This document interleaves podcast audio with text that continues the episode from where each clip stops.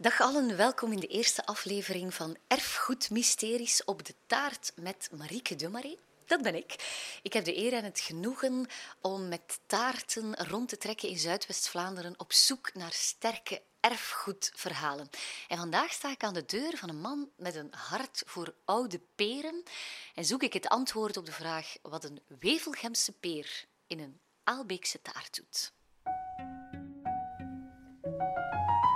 Dieter en Katrien Robbe, Floor Lize, hier moet het zijn. Maar Dieter zei, de bel doet het misschien niet, dus moet je misschien kloppen.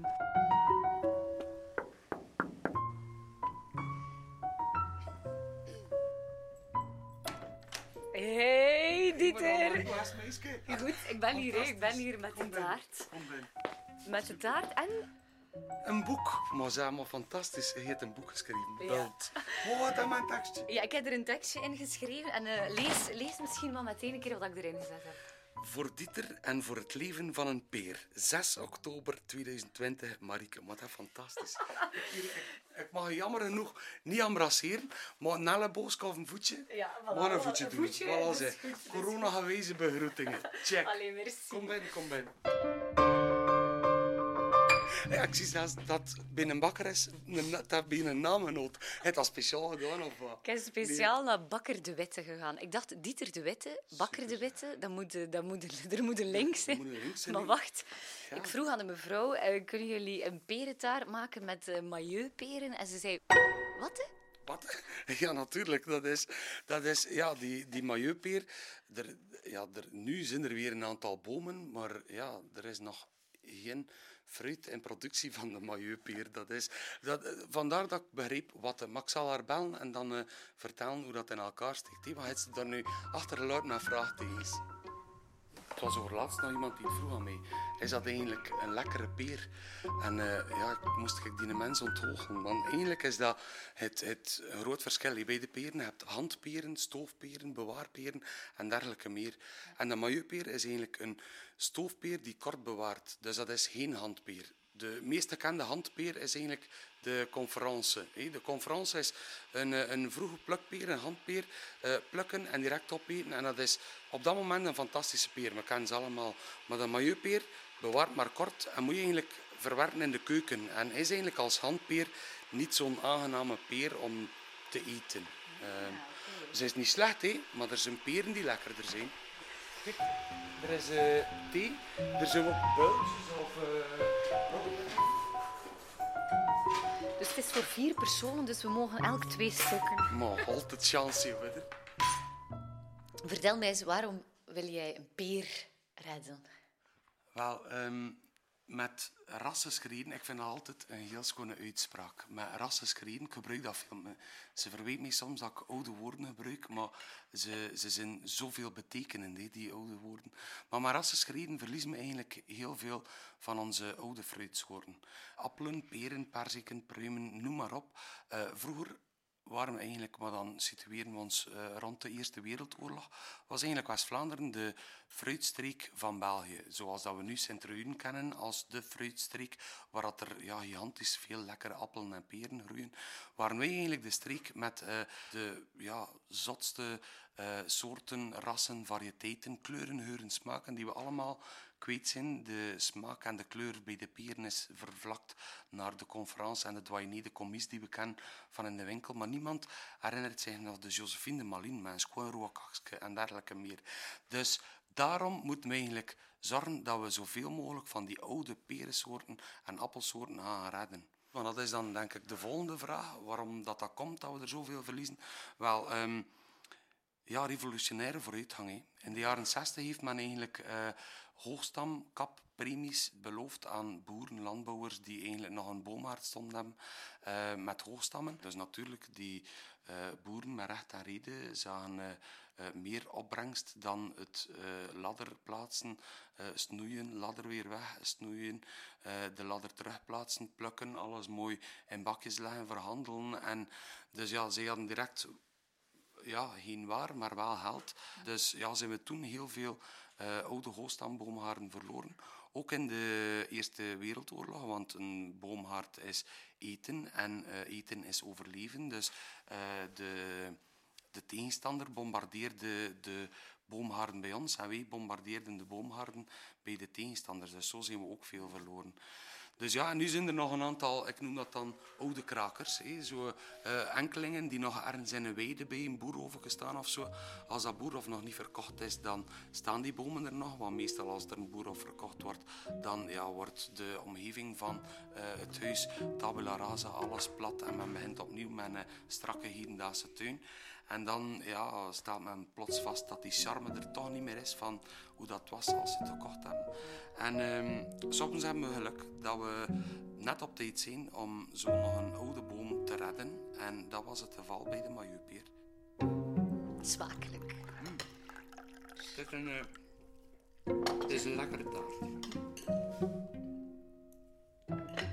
De Majupeer die stond hier heel toevallig in, uh, in, in, in Wevelgem, ik woon in Wevelgem. En er was iemand die een, uh, die een vijver gekocht had bij een boerderij, een, uh, een visvijver. En uh, die zei, Dieter, moet ik gaan kijken? De visput, dat ligt juist naast um, een boomhaard. En ja, ik daar naartoe, een beetje de oude gekende klassieke soorten. Maar om het hoekje, uh, achter het gebouw, uh, stonden er nog uh, een, een, drietal oude perelaars. Een peer waarvan dat we nog niet weten wat het is. Een Ligipon. En daarachter de Maillotpeer. En wat een geluk, we mochten de boom hebben.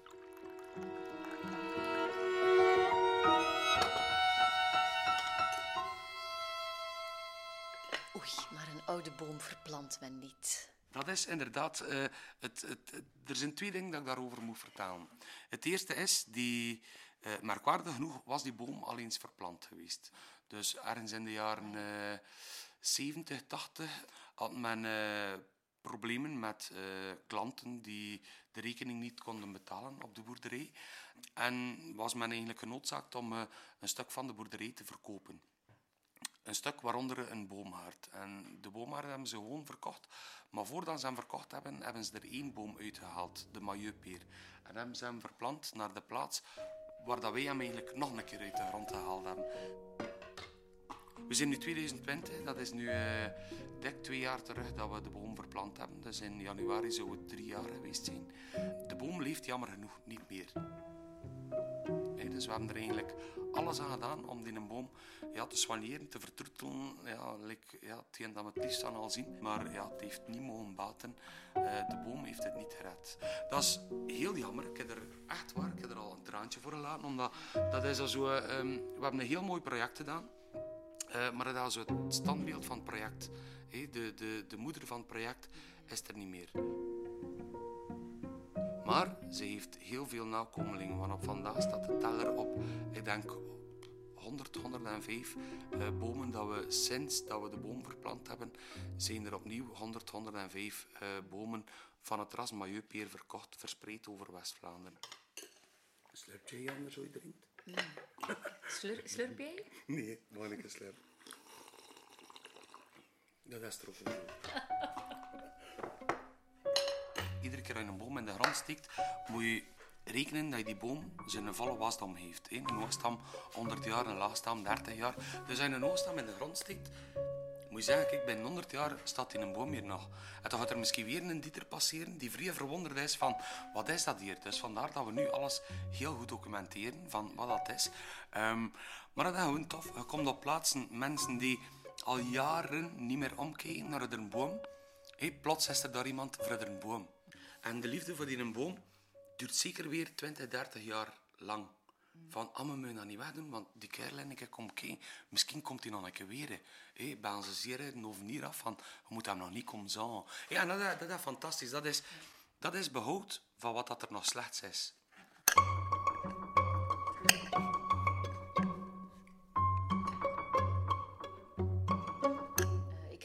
Ergens gelezen dat de Maillotpeer een belangrijke rol speelde op een bepaald feest hier in Kortrijk. Dat is in, uh, in Aalbeke. Dus de Maillotpeer, een deel van zijn uh, schone, rijke traditie, dankt hij eigenlijk aan uh, Sint Cornelius. Dat is de patroonheilige van, van Aalbeke. En um, ja, bakkers um, soms zien ze van, ja, tja, we hebben hier iets op dit moment en er is een feest en we gaan er iets mee doen. Nee, zo is de perentaart, de Sint Cornelius taart, ontstaan. En daarvoor gebruikte men eigenlijk vroeger de maillepeer.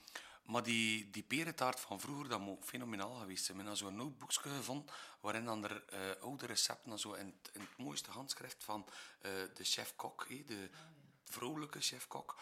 Um, ja, met boter en met room en. En dat moet nog een beetje een toort geweest zijn. Dat is eigenlijk echt... Allee, ja, ik, ik verlang tegen dat we wat productie hebben van... Allee, we, we richten ons niet op productie, maar tegen dat we wat um, oogst hebben. De oudste bomen zijn nu drie jaar. Ja. Nee? Die zijn eigenlijk nog te jong om echt al vruchten te geven. Nee? Dus nog een jaar of twee, drie wachten. En dan met step voer ik dat receptje uit van, die, van dat madamke die dat ooit zo schoon en sierlijk heb geschreven. Ja, het water komt me nu al in de mond. Dat, is, dat, moet, dat moet gewoon fantastisch zijn. Marieke, ik ga je bellen. Tot zover hè. gaan we weer een podcasten en we komen proeven van de eerste bakte van die echte maillot-peretaart. Ja, ja. Ik hou je eraan. Hè. Kom nou een keer mee. Ik ga nog een keer iets doen. Dus, um, dus we hebben al gezien dat um, de, de bomen in Hoogstam, eh, bijna allemaal overal waar van die etiketjes dan, staan er eigenlijk andere soorten bij. Ja. Dus bijna op elke boom staan er verschillende soorten. Dus dat is hier eigenlijk Cox Rouge Vlaanderen. Dat zijn de eerste twee. En dan eigenlijk uh, links en rechts op het eerste verdiep Cox Pomona en nog een andere Cox. En op het uh, bovenste verdiep eigenlijk nog een keer weer twee varianten. Dus op één boom staan er hier al vijf soorten en ik heb nog één verdiep over. Wat is, en hoeveel soorten in jouw tuin? 154. En elk jaar komt er nog bij, van elk jaar ik weer plekjes bij waar dat nog weer kan een soort op hen. Is er zoiets als de lekkerste peer in je tuin? Ah, er zit nog één in de frigo. We gaan straks proeven. Ja, die een boom staat daar, in het toekje. Fondante de Bois. Dat is eigenlijk een, eh, een peer die gevonden is tegen een boskant. En vandaar heeft ze haar naam Fondante de Bois. En dat is eigenlijk een, een schone... Kijk dan nog hier aan. Dat is eigenlijk een schone, ronde, dikke peer met een fijn steeltje. Ja. En, maar dat, dat, dat feest, die Marike. Dat we hier nu, als we te rekenen, een peer kunnen plukken. En we snijden ze gewoon te rekenen open. Maar dat is eigenlijk wel mijn, mijn lievelingspeer. Ja? Ja, echt waar. En waarom dan? Want je bent... Ah, um, peren... Zoals wijnproeven. Ja, peren dat is uh, moeilijker dan, dan wijnproeven. In die zin, als je een fles wijn hebt, je kunt dat een paar jaar bijhouden. En dat is dat blijft wel goed, of dat verbetert, of dat verzuurt plots. En het is jammer dat je te lang gewacht hebt om ze uit te drinken. Bij peren kun je, um, als je vandaag een peer proeft, en je komt morgen nog een keer bij dezelfde boom en hangt nog een peer aan, kan ze al te ver zijn. Of vorige week woensdag kan het ja, nog te vroeg geweest zijn. En dat is als het juiste moment. Maar voor deze peer is dat hier nu echt het, het meest geweldige moment. Hier moet ik het proeven, maar Dit ziet er super sap uit. Sap druipt eruit. Mm, mm. Ik zeg dan altijd aan de mensen, ze nog vlees eten. en we staan hier gewoon in Wevelgem. Dus dat is hier niet eens Zuiderse temperaturen, geen speciale technieken in de tuin. Ook alles ecobiologisch. Er wordt niets gesproeid, niets behandeld, niets nul. Dus de mensen kunnen echt nog, ja, ga daar eens iets gaan proeven. Als je het lekker vindt, zoek er een boomje van, zet het in je nof en het is feest. Sommige mensen roepen en zeggen van het had hier een boommarkt verloren, uh, wil je dat nog komen redden, wil je dat nog komen inventariseren? Maar sommige vragen zijn soms gewoon een vraag, maar eindigen echt in een gigantisch groot verhaal, soms in een project. Bijvoorbeeld, ehm, er was iemand uit de gemeente Perk, dat is uh, over Brussel tegen Leuven, uh, die mij belde van, ja Dieter, er heeft ooit nog een appel bestaan, Supreme de Perk. Je dat? Ken je dat? Ik had daar nog nooit van gehoord. Uiteindelijk ja, je begint een beetje op te zoeken. Eerste bron is het internet. Hè. En ik kwam op uh, Victor Hagen. Victor Hagen was een, uh, een oud Kortrijks pomoloog uh, die een boekje geschreven heeft. eind jaren 1800, begin jaren 1900. Nu goed, en we zijn heel dat boekje beginnen analyseren en zo. Hij beschrijft 125 fruitrassen. Ja, die vraag heeft eigenlijk gewoon geleid tot... We doen een project rond Victor Hagen. Dus we gaan die man eigenlijk weer tot leven brengen. Stad Kortrijk werd mee ehm, faciliteerd in ruimte om de 125 fruitrassen die hij beschrijft weer in een nieuwe boomhart aan te leggen.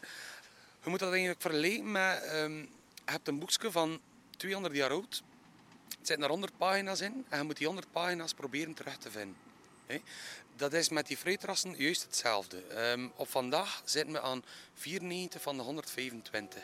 Dus dat is al aardig goed. Er zijn er wel een aantal dat we misschien nooit meer gaan vinden. Maar misschien wel. Um, on, onderweg kom je soms een keer iets tegen. En zo ontstaan er weer uh, nieuwe zoektochten. Vind je misschien toch weer die peer waar je nog naar op zoek bent voor dat project. Dus ja, dat zijn zo allemaal toffe dingen. Aan dan. Zo, dit was Erfgoed Mysteries, zoals je net gehoord hebt bij Dieter de Witte. Deze podcast brengt je inspirerende erfgoedverhalen uit Zuidwest-Vlaanderen. Als je zin in meer hebt, hou dan zeker je favoriete podcast-app of de websites erfgoedzuidwest.be of leijendal.be in de gaten. Tot volgende week voor de tweede aflevering.